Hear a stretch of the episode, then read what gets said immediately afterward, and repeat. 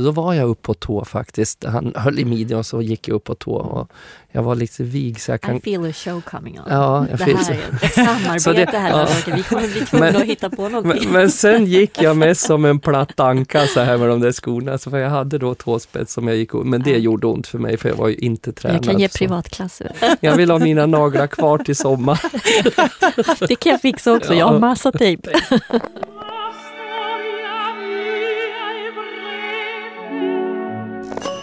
Det var en av de första operetterna som folk kände handlade om riktiga människor. Ska jag dela med mig av en liten hemlighet?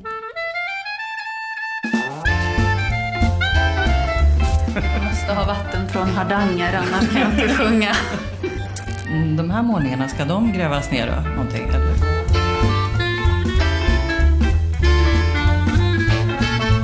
Vi ska ha eldflammor.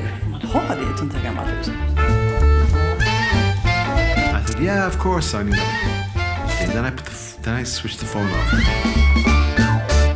Varför står man på tå i klassisk ballett? Och hur mår en fot som står på tå varje dag? Och varför är långa sträckta ben och vrister fortfarande ett skönhetsideal och en markör för kvinnlighet, inte bara i danssammanhang, utan också för oss vanliga dödliga? Det ska vi prata om i den här podden från Kungliga Operan där temat är Stå på tå. Jag heter Sofia Nyblom och med mig i studion har jag premiärdansösen Nadja Sellrup som inte minst förknippas med många svandrottningar här på Kungliga Operan. Men också med den grymma hjärtedam i Alice i Underlandet, titelrollen i Törnrosa och många andra leading ladies. Välkommen Nadja! Mm, tack snälla. Bredvid henne sitter Babsan, alias Lars-Åke Wilhelmsson. Den frigjorda hemmafrun som har bejakat glamouren och iklädd rosa peruk och höga klackar tagit Sverige med storm. Och som också i sin roll som kostymskapare klätt på en rad scenpersonligheter och inte har något emot att själv ta några danssteg i Melodifestivalen, Let's Dance, stå i Kickline, glädja passagerarna på partybåten Patricia.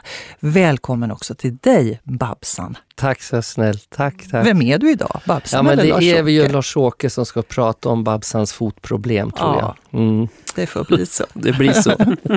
Sist men inte minst har vi massören Pirjo Lemosalmi som jobbar på Kungliga Operans fysioterapiavdelning. Och hon är nog den som både klämmer och känner husets dansarkroppar och inte minst dansarfötter allra, allra bäst. Välkommen även till dig Pirjo. Tack så mycket. Nadja, jag tänkte vi börjar med dig. När du står på tå, är det verkligen tårna du står på, tåspetsen för att vara specifik? Eller vilka delar av foten är inblandade?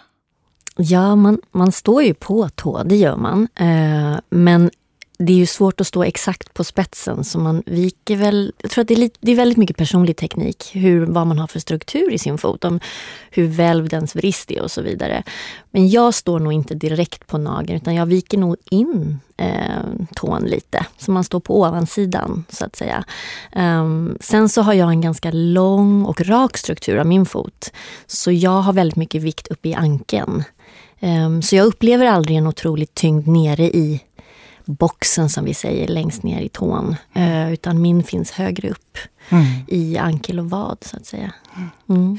Och du inte bara står på tå, du snurrar, pirueterar, gör en massa fantastiska steg med franska namn, arabesker och chasséer och fouettéer och så vidare som alla involverar. Borer, Och borer. glöm inte borerna. Borer! De här hamrande liksom flytet över golvet. Aha. När man bara ser hur vi så här, tick, tick, tick, tick, tick, tick, tick, Ja. tick, tick, över golvet. Det är borer. Det är. Det är jättesvårt. Lossnar det aldrig naglarna då i sådana där borrelier? Åh, jag är så glad att du frågar. Det gör det. Det gör. Absolut. Det gör ja. det, ja. ja, det gör de. Ibland går det liksom illa. Eh, ibland så har man, som i Raimonda här för två år sedan med Pontus Lidberg, då hade man ett helt solo som är nästan fem sex minuter långt och du Oj. nästan hela tiden. Det är nog första gången jag har tappat tånaglar faktiskt. Åh, gud, sådär. vad jobbigt. För att man inte går ner då, utan du, du, då får väl rötterna, eller vad man ska säga, för naglarna får sig en riktig känga. Eh, Men du, alltså du säger du tappade naglarna. Men Mm. det, det låter ju som att det låter frukt. Det måste ju göra fruktansvärt ont. Mm. Nej men det gör det, initiellt. Och sen, vadå? nej, Sen men, bedövar nej du men det? sen är det ju som ett blåmärke, alltså det gör ju jätteont. Och sen så lägger sig det där och då sätter du bara igång och tejpar fast nageln helt enkelt. För att du vill inte ha en tå utan nagel för den blir inte lika liksom, slitstark. Mm. Så då vet man så här, om jag har, jag har liksom bara 12 föreställningar att göra. Vi kör tejp på det här, sporttejp. Så att man har strukturen av tån är densamma. Liksom. Mm. Det är ju egentligen ganska hemskt att tjejer, kvinnor ska behöva utstå sig i detta, alltså för att vi i publiken sen sitter och tittar och njuter att det är så vackert. Och så är det sånt martyr egentligen. Alltså att ni Mm. står, alltså det, visst är det lite konstigt, det är ju att man har satt er upp på tå. Jag kanske inte ska säga så mycket som springer i klack då, för det är inte så naturligt heller. Men, men liksom att man gör det för att det är snyggt estetiskt Mm, och sen mm. är det så, så pinsamt ibland då när man tappar Men jag, bru- jag brukar tänka, jag brukar jämföra med någon så här uh, disco. Alltså, hur många gånger har du blivit stämplad i Mhm. dina skor Ja. av att Mm. någon kliver fel? Ja. Den, det råkar ju inte vi ut för. Nej. Men Lars-Åke, varför går du i högklackat? Ja, alltså det, det är ju min yrke. Jag gör ju inte det privat gudskelov utan då har jag en ganska skön jordsko eller platt tennissko eller vad man säger. Men det är ju för att min karaktär som drag i Drag Queen, liksom, eller när vi har dragshows då som kvinna så, så, så, så blir det alltså snyggare. Min Babsan-karaktär är ju någon sorts prim, primadonna på sitt sätt, på röda mattan och på scen, att man är en glamourdrottning. Och jag har försökt en gång, jag opererade diskbrocket eh, en gång och tog bort lite mm, nerför jag fick ischias och snubbla på högerbenet där. Och då stod jag faktiskt på scen och uppträdde, för jag var ju inget fel på pratet, jag kunde köra stand-up liksom. Men då stod jag i, försökte en långklänning i låga skor, för jag kunde inte första veckan stå i klack då efter operation. Och det såg inte fint ut. Alltså jag såg ju, det, det var, jag kände karaktären, jag vart inte tanten Babsan heller liksom, när jag stod i platta Alltså, skor. du kunde inte spela henne? Nej, det var jättesvårt. Så jag kände själv, jag stod på den friska benet lite på tå så här under långklänningen för att komma upp liksom i, i någon sorts kvinnligare hållning som inte jag har som gubbe liksom, när man Mm. sitter ihopsjunken. Och, och det, det är någonting som jag tror att när, även för kanske när du snörar på dig dina vackra tåspetsskor så får man, det blir en karaktär. Men du knyter ju på, jag klär på mig en karaktär som är på, och sen när rosa håret kommer på så är jag liksom fulländad med smink och grejer. Mm. Nej, men Så det jag- skriver jag under på. Du är ute efter det här som är lite... Eleganta, som Elegant. du sa, långa Ja. ben och stilig och allting. Och det tror jag är det enda jag har kvar som är snyggt, det är mina ben. I min ålder så är det faktiskt bara de som fortfarande håller. Liksom. För resten av kroppen är ju liksom snart 60. Så att det, Härligt. ja, det tycker jag. Och visst är det väl så att killarna har alltid snyggare ben när de sätter på sig högklackat Ja, men det är ofta- än kvinnor. det är Kvin- konstigt. Kvinnor tycker det, kvinnor tycker, men jag tror karar inte tycker det. Jag tror män gillar hellre lite former och grejer så där tror jag. Nej, nej, nej. nej. Är det inte Varför, så? det- varför Nej. menar du att de är snyggare, Pirjo? Ja, de är snyggare. De har, jag tror att det är muskulaturen som gör att det blir skuggor och sånt. Så de blir mera, vad ska man kalla det, fit. Jaha, De ser fint. mera fit ut. Mm. Det är liksom längre muskler, är det inte? På, Ja, de är längre muskler och de är smalare vader. och sådana och sen mera definierade. Och jag tror att det är det som gör dem längre. Mm. Därför att skuggorna faller. Så det ser Att det- smidigt ja, och fint smidigt. ut. Mm. Men ska vi titta på verktygen? Alltså för att kunna stå på tå Mm. eller gå på högklack så behöver man ju ha bra skor. Ja, det måste man. Och det har vi framför oss. Ska vi, ska, vill du berätta Nadja, vad är det vi ser för någonting? Ja, det jag tog med mig var ett par splitter nya eh, som jag inte har sytt ännu. Där det liksom ligger lite tåskoband, lite resår, lite så här, jag har inte virkat på tåhättorna. De kan man liksom... Det är väldigt hårda, man kan få sig en riktig hjärnskakning av det om man får sig en känga av de här. Det vet jag har hänt. Men, men vad, vad, är det, vad är det i den här hettan? Eh, oh, herregud. Det, nej, trä är det väl inte. Det är lim. Oh, trä, precis. Ja, det är trä. Det, det är en slags säckväv och lim och så, så är det ett eh, sidentyg över och så syr, liksom, bankar de ihop det här med spik och så. De här kommer från London. Jag har en sko som heter Freed som görs i London, handgjorda. Eh, den här makern som du tittar på just nu heter Bell och det ser man att det är en klocka under sulan. Eh, fem och en halv är min storlek. Då. Jag har gått ifrån fyra och en halv när jag var yngre till fem och en halv. Fötterna breddar sig ju när man blir lite äldre, eller hur? eh, så de har jag med mig. Och sen tog jag med mig ett par väl indansade skor som är faktiskt, nu börjar de bli fem år gamla. Men de är väl indansade och, och lappade och ni ser jag syr och lappar och trocklar och har mig när du, de går sönder. Det här att man Mm. syr, eh, Ja. du har alltså sytt här på, på Virkat hettan. Ja, först, virkat. limmat på och sen sytt för hand. Mm. Var, varför gör man det? Jag gör det för att jag tycker om du lyssnar på ljudet så blir det dovt. Jag gillar inte högljudda skor. Jag tycker det förtar när man hör dansösen. Visst, man hör ju när vi landar och hoppar och börjar. Men när det blir liksom det här Mm. mot dovare, då kan jag kontrollera det eh, mycket mer. Sen har vi lutande golv på operan. Eh, vilket gör att det sparar skon mycket mer i lutningen för du står ju liksom snett framåt hela tiden. Det blir ganska så mycket tryck i tån. Eh, så att skon håller sin form mycket mer.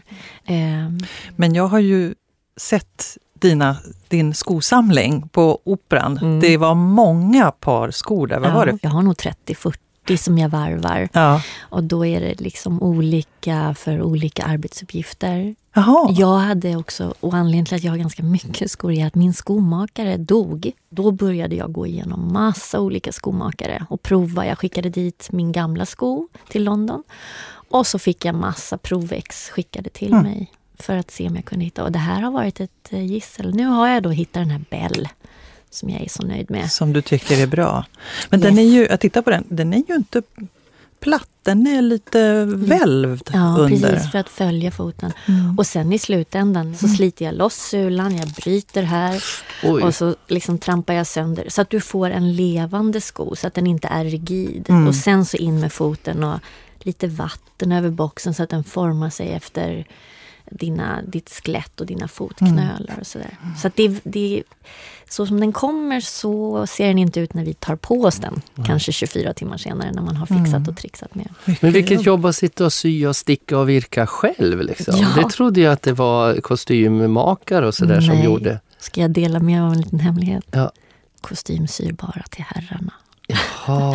De syr herrarnas skor. Killarna har, och jag tror vissa tjejer får också, men killarna, det, det är ju verkligen så att jag skulle aldrig låta någon sy mina skor. Nej, för det kanske blir så. Nej, det är, liksom, det är så personliga vinklar och vrår och vissa klipper och syr ihop igen och håller på och trixar och skär sulor och allt vad de gör. Eh, men killarna har ju resår bara. Bara så. Ja, Och då är det ju kanske snabbt gjort på en maskin. Rum, rum, rum, rum, du vet. ja just det. Lite enklare. För Ja. de, de killarna står ju inte på tå på samma Ja. sätt. Nej, killarna står bara på Nej. tå ibland Mm. när, det, när det ska vara eh, vissa inslag. Och så gör de ju råttorna i nötknäppan Mm. i sina stora eh, röda tåskor. Men Sofia som jobbar så sa att du kan komma och hämta ett par eh, röda tåskor om du önskar. Det finns kvar från... Ja, men det måste jag ju. Jag Ja. har gjort ett nummer som jag gjorde på Hasselbacken 82. Ja. Då var Emilio och Vito Ingrosso dansare med Surprise Sisters. Då gjorde jag en liten svan, svart svan var jag. Mm. Och då, löft, då var jag upp på tå faktiskt. Han höll i midjan och så gick jag upp på tå. Och jag var lite vig så jag kan... I feel a show coming on. Ja, det här är ett samarbete här Åke. Vi kommer bli tvungna Men- att hitta på någonting. Men, men sen gick jag mest som en platt anka så här med de där skorna. Så för jag hade då tåspets som jag gick Men det Ja. gjorde ont för mig för jag var ju inte tränad. Jag kan ge så. privatklass. Jaså, ja. jag vill ha mina naglar kvar till sommar. Det kan jag fixa också. Jag har Ja. massa tejp.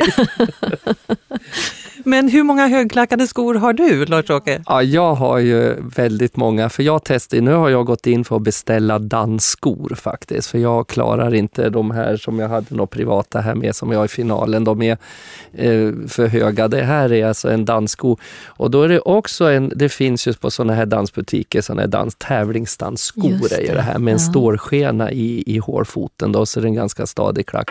Så den här kan jag ibland gå ner och stödja mig på klacken, men när jag köper vanliga skor, uppe, finns ju bara uppe i 42 om man har tur. Jag har ju 43, 44 i här.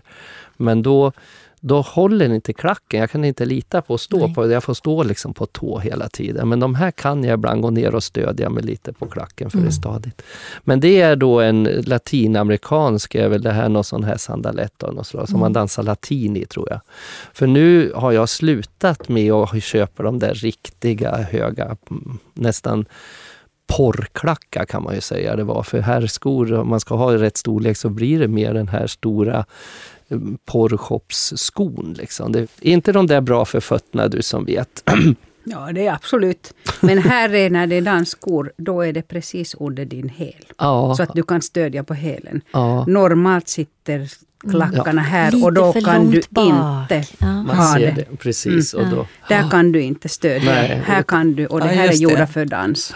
Så det är skillnad. Och det är det som gör, tror På jag, klacken. för det märker jag även. Jag har ju haft av klackar i, i privatskor ibland. Och det tror jag är för att jag ibland belastar skon precis som jag är när jag jobbar utan att tänka på det. Mm. Eh, nu går inte jag omkring och knäcker klackar, förstå mig rätt. Jag kan gå i ett par skor som inte är tå.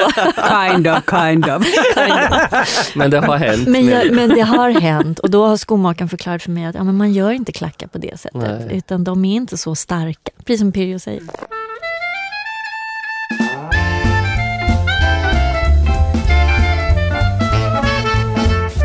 Du lyssnar till Kungliga Operans podd och vi pratar om att stå på tå med premiärdansösen Nadja Sellerup, artisten, ståupparen och kostymdesignern Babsan Lars-Åke Wilhelmsson och massören vid Kungliga Operan Pirjo Lehmusalmi.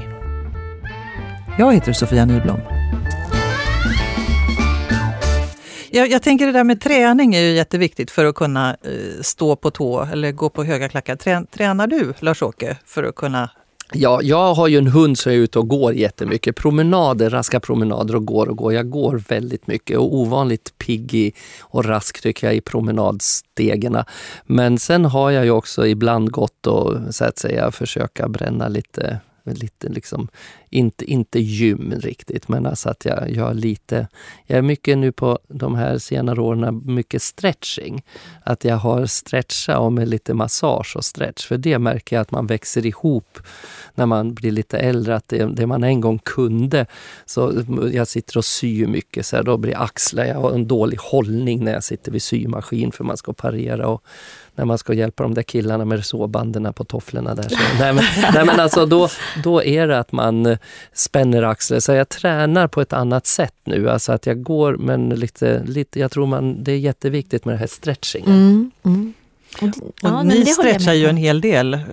Ja, av Mm. olika anledningar. Men jag kan hålla med där. Alltså, jag är ju inte purung heller längre. Jag är ju nästan, nästan pension, pensionsålder. Eh, och, och att ha hållningen för att kunna bära upp skor och bära upp eh, kroppen, det, det, stretching hjälper ju där. Mm. Och där kommer ju Pirjo in också. Alltså massage, hjälpa oss förlänga och hjälpa oss att stretcha. Vissa saker kan man inte bara stretcha själv också.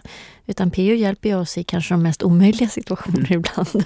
Rumpstretch. Runch, ja precis, och höfter och så här. Och det upplever jag för att jag jobbar ju väldigt högt upp. Alltså mina ben, jag brukar alltid säga till de tjejer jag coachar ibland, benen börjar ju upp på revbenen. Alltså så man börjar ju ovanför naven, högre upp. Och så för du benen från ryggen fram. Och eh, det gör ju att det blir sättningar liksom i kroppen. Mm. Pirjo, du som känner kropparna på operan och vi talar om 400 eh, någonting kroppar i massa olika yrkesgrupper. Hur är, hur är en, en dansares fötter? Hur, hur är de när man har dansat ett helt yrkesliv? Hur, hur ser de ut och hur är det att känna på dem? Det Upptäcker är man? som man säger, som Nadja säger, så det, det är helt individuellt. Vissa har fina fötter hela sin karriär. Utan att behöva liksom jobba på dem. De håller sig raka. Sen är det ganska många därför att man får förhårdnader. Precis där man eh, kommer in på skon och sådär. Så de får man inte ta bort. Så de kan se, fötterna kan se väldigt, väldigt många gånger fula ut.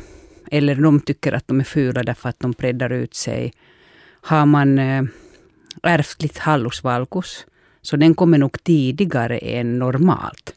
Så att den börjar redan gå in så att då måste man liksom redan då sätta in en tåspridare och det är sådana där saker. Sen får man inte ta bort hårdnader. Så att det är det som är... Du kan aldrig vara snygg på vintertid. Sommaren kan du ha när du inte behöver ha dina tåskor med. Går liksom Men att på sommaren kan du vara fin därför att då får du ha fina fötter. Mm. Men vinter är inte en en soltid så att säga. För dansarfötterna. Är det, är det så Nadja? Mm, Ja, nej, men alltså man går inte och tar fotbehandlingar och tar bort allting på vintern. Oftast då säger jag så här, ta inte bort utan fixa bara nagelband Mm. och liksom hjälp till med allting annat. Men inte, inte det på själva tårna där man vet att man kommer ha slitage. Nej. Mm. Det vore dumt. Då ger man sig bara så här kvitto på att få blodblåsor och vattenblåsor igen. När man äntligen har kommit ur den fasen kanske efter semestern. Att, Mm. Men anpassar sig skelettet efter det här som du gör? Oh ja, oh ja. Eh, Jag var och röntgade min hälsena för några år sedan. Det här måste ju vara fyra, fem år sedan. För jag hade problem med den. Och då sa de, ja du har ju fötter som en 60-åring. Så jag tänkte, nu, nu när jag då har det. gått några år så kanske jag har som en 70-åring, tänker jag. Så jag, jag försöker inte eh, läsa in för mycket i den här hallus valgusen, utan den får ha sin ålder. Mm. Jag är bara glad att den är med och leker fortfarande. Mm. Hur hur kan var ni- dina fötter då Lars-Åke? Ja, men min mor opererade halg, halgus, valgus, Mm. vad heter det där? Mm. Hallux valgus. hal- Hallux valgus. Säger jag fel? Du ser vilken okunnighet. Men jag har det på höger ganska stort, eh, så här, som jag har fått. Och för mig, som du säger, jag måste tränga ihop tårna för att komma i de där skorna. De, de är lite för smala för mig. Jag vet inte om de där går att beställa bredare, men det är liksom de... Det, det där är lite, men så också lika det här med den här på min trampdyna får jag den här stora, stora skinn som inte de får slippa bort heller när man tar Nej, fotvård. Utan när de gör det, tar någon sån där knivskrapa och så bara nej, nej, nej, jo Mm. det är jättetjockt här Mm. säger de. Ja men det måste jag ha. Mm, lite vill jag ha Ja, jag måste kunna för annars får jag den där blåsan igen. Och där, Mm, liksom. mm. Så det är ju precis samma problem. Man har ju, jag har ju ett tantproblem med mina fötter nu. Liksom, Mm, sådär. mm. Som det har blivit fast Mm. man är farbror. Ja.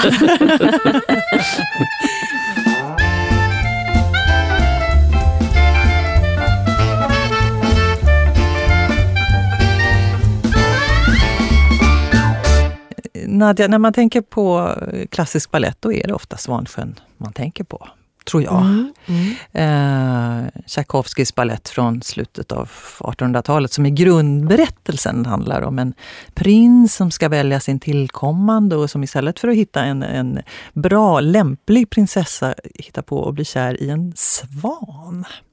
Och Svandrottningen, det är ju du. En roll som du har dansat många, många gånger. Mm. Um, om man skulle nynna på någonting ur Svansjön, vad skulle man nynna på då? Perio, hur nynnar vi på småsvanarna? Exakt.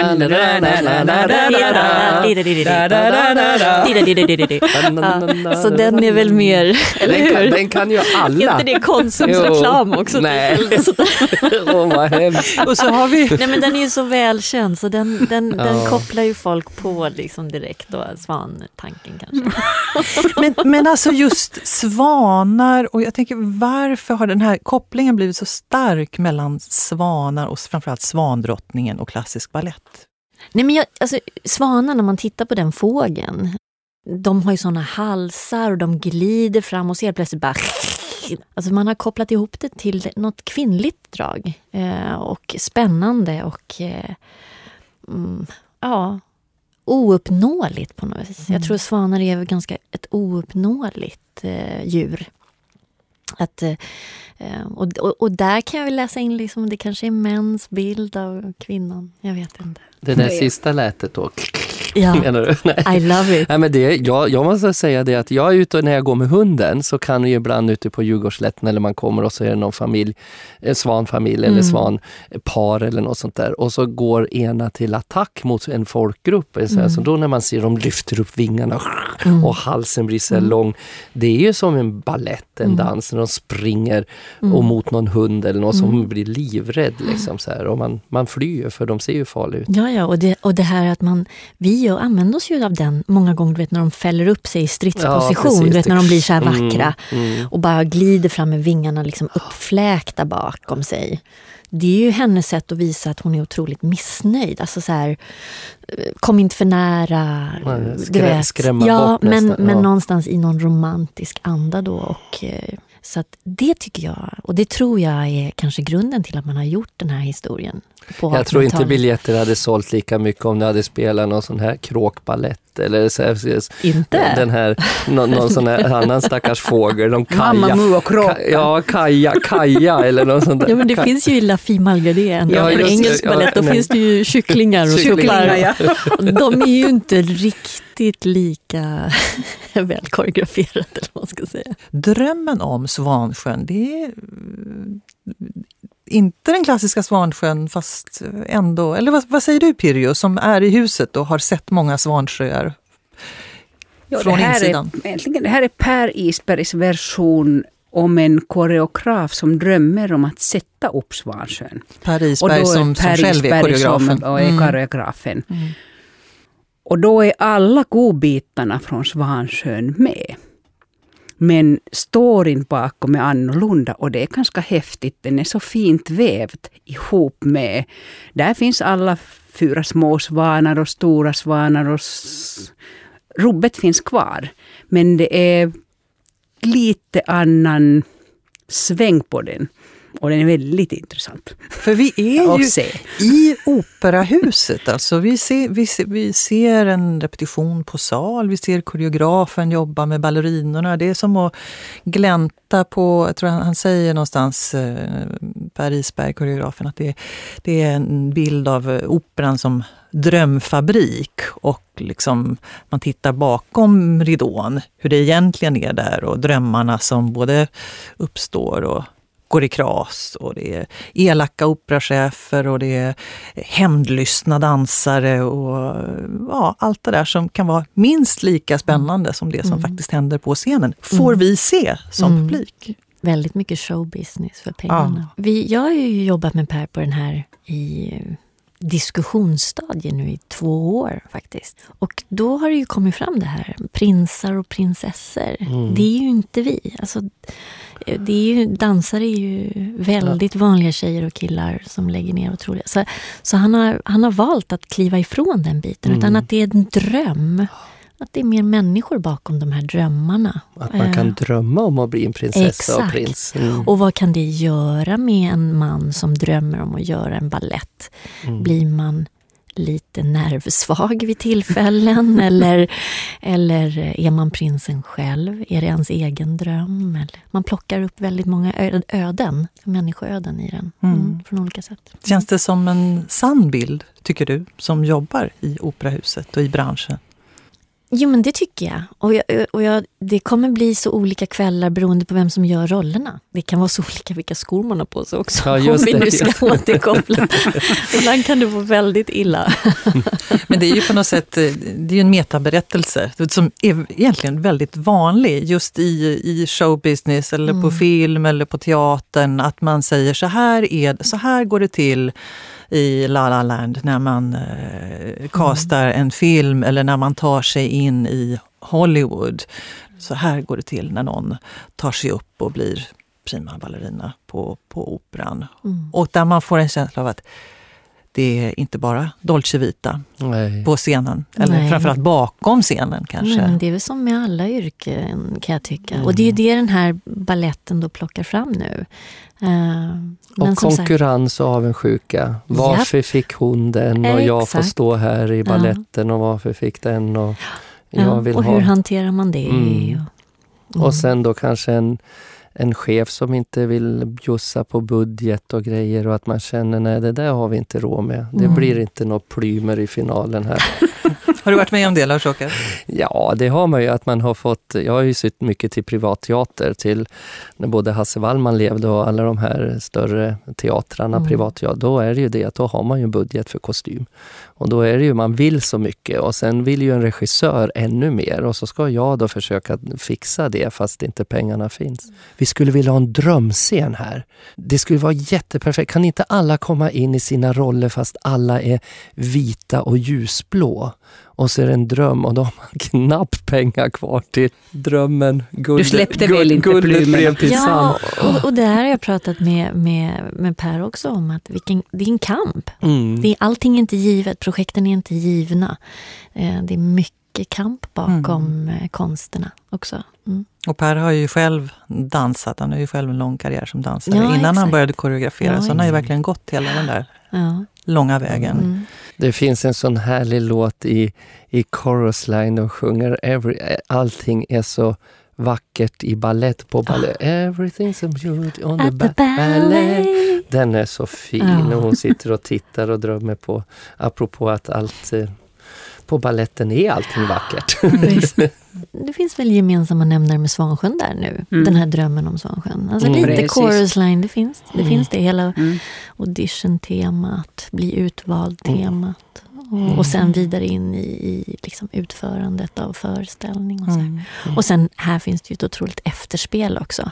Konsekvenser av avundsjuka och utspel mot varandra. och så här. Precis, i, vi i drömmen om Svansjön. Där är, det blir det, det Mm. privata dramat Mm. där ballerinan slits mellan den här hämndlystne, försmådde dansaren och Ja. koreografen. Precis. Alltså, nu, nu, det spelar ju ut sig som att hon dras mellan män, men för mig blir det lite att man dras mellan dröm och verklighet. Det kan ju vara män, det kan vara ens egna demoner, det kan vara... Jag mötte Torsten Flink en gång bakom Dramaten. Jag bodde vid Riddargatan så kom Torsten. Fan Babs, fan Babson, du är så, så jävla bra. Vet du. du har kört din grej, du har varit inne, du har varit ute. Du, du bara kör på din grej. Du tror på dig själv, det är bra. Han menar att jag har alltid varit glamour paljettdrottning fast det kanske inte har varit lika hett jämt men jag har aldrig släppt det. Liksom. Mm. Och så tycker jag med balletten, det får inte, man får inte tappa tutukjolen och tåspetsen. Det får inte bli barfotadans hela tiden för då är det inte ballett tycker jag. Men jag tycker allting stärker varandra. Allting har sin tid, Mm. allting har sin... Och så tar en, en, en konstform tar ett steg tillbaka för någon annan ska få synas. Alltså det, Mm. Så att jag tror på det där växelspelet eh, i olika konstformer, men ballett är starkt.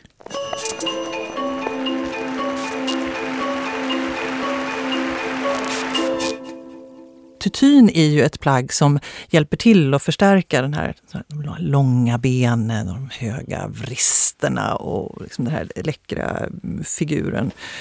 Och, så. och då tänker jag, eh, det här skönhetsidealet, finns det bara på teaterns drömfabrik? Jag säger det Pyrjo, ser du sådana här ballettkroppar ute på stan eller i, i annonser eller bilden av hur en kvinna ska se ut? Jo, det syns överallt. Men att eh, jag har, det har aldrig varit min ideal på något sätt. Jag tycker att det är vackert att titta på, på scenen. Men inte ute på gatan. Det, eller när jag höll på med att måla det och sånt, så kroki och sånt. Så Det var absolut inte intressant med en perfekt kropp. Inte det minsta. Nej. Vilken sorts kroppar var du intresserad av att teckna? alla möjliga. Gamla, unga, mittemellan, lite hängande. Någonting där du kan få skuggor och karaktär. Och jag tror att det är där det ligger. Man ska ha karaktär i sin kropp. Likaså som rynkor är karaktär. Helst liksom skrattrynkor Mm. när du blir äldre. Mm. Mycket bättre än surisar. Mm. Men att jag tycker att det, det är vackert på scenen. Mm. Men, men sen är också eh, ballettkroppen är ju ett instrument för att gestalta olika kroppsspråk och former i rörelse. Det är inte, det är inte som ett foto. Det är inte som en målning. Att där avbildar man någonting som ska vara beständigt. Det här är någonting som sker i en rörelse. Du kan röra dig tjockt, du kan röra dig lätt, du kan röra dig liksom... Eh, där ligger nog, som Pirjo säger, att det är vackert att titta på. Men kanske när den bara står rakt upp och ner ute på stan så, så är det liksom oskrivet. Ja, men oskrivet någonstans. Den kroppen är till för att berätta på scen. Det kanske har hänt dig också, fast du är så igenkänd som person, ja, som artist och person. Men, men jaha, är det du? Det är ingen som tror att det är jag när man kommer ut och har på sig sina slitna jeans och, och sin tröja och, och tar sin trunk och går hem med sina osydda tåskor. Nej men, um, Men är inte det lite skönt ibland också? Jo, nej men jag säger inte Ja. det, men väldigt många kan säga så här, ja, men, Oj, ja, och du som är så vacker på scen, så här, jaha, mm, men, Mm. men privat. Tack för det. Yes. Men du, Jag köper det, det är absolut, Men- för det, det, that's my job liksom. Men, men, hur eh, ofta tror du inte jag får höra det då med den sminken som jag har och peruker och paljetter som säger så här, men gud Ja. du som var så snygg nyss. Och Ja. så, tack för det. Ja. Ja, nej, men, nej, men du ser, och, och då, då är vi tillbaka i drömmen om dansösen, drömmen om artisten, Ja.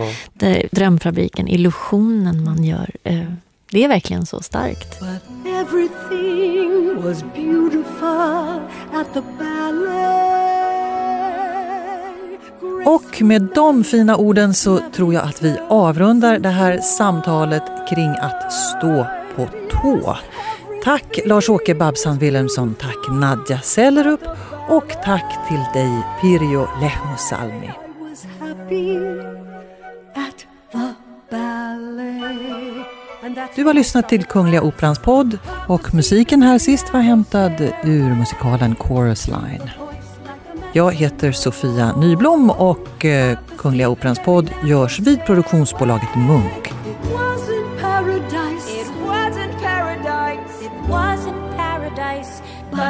It was home.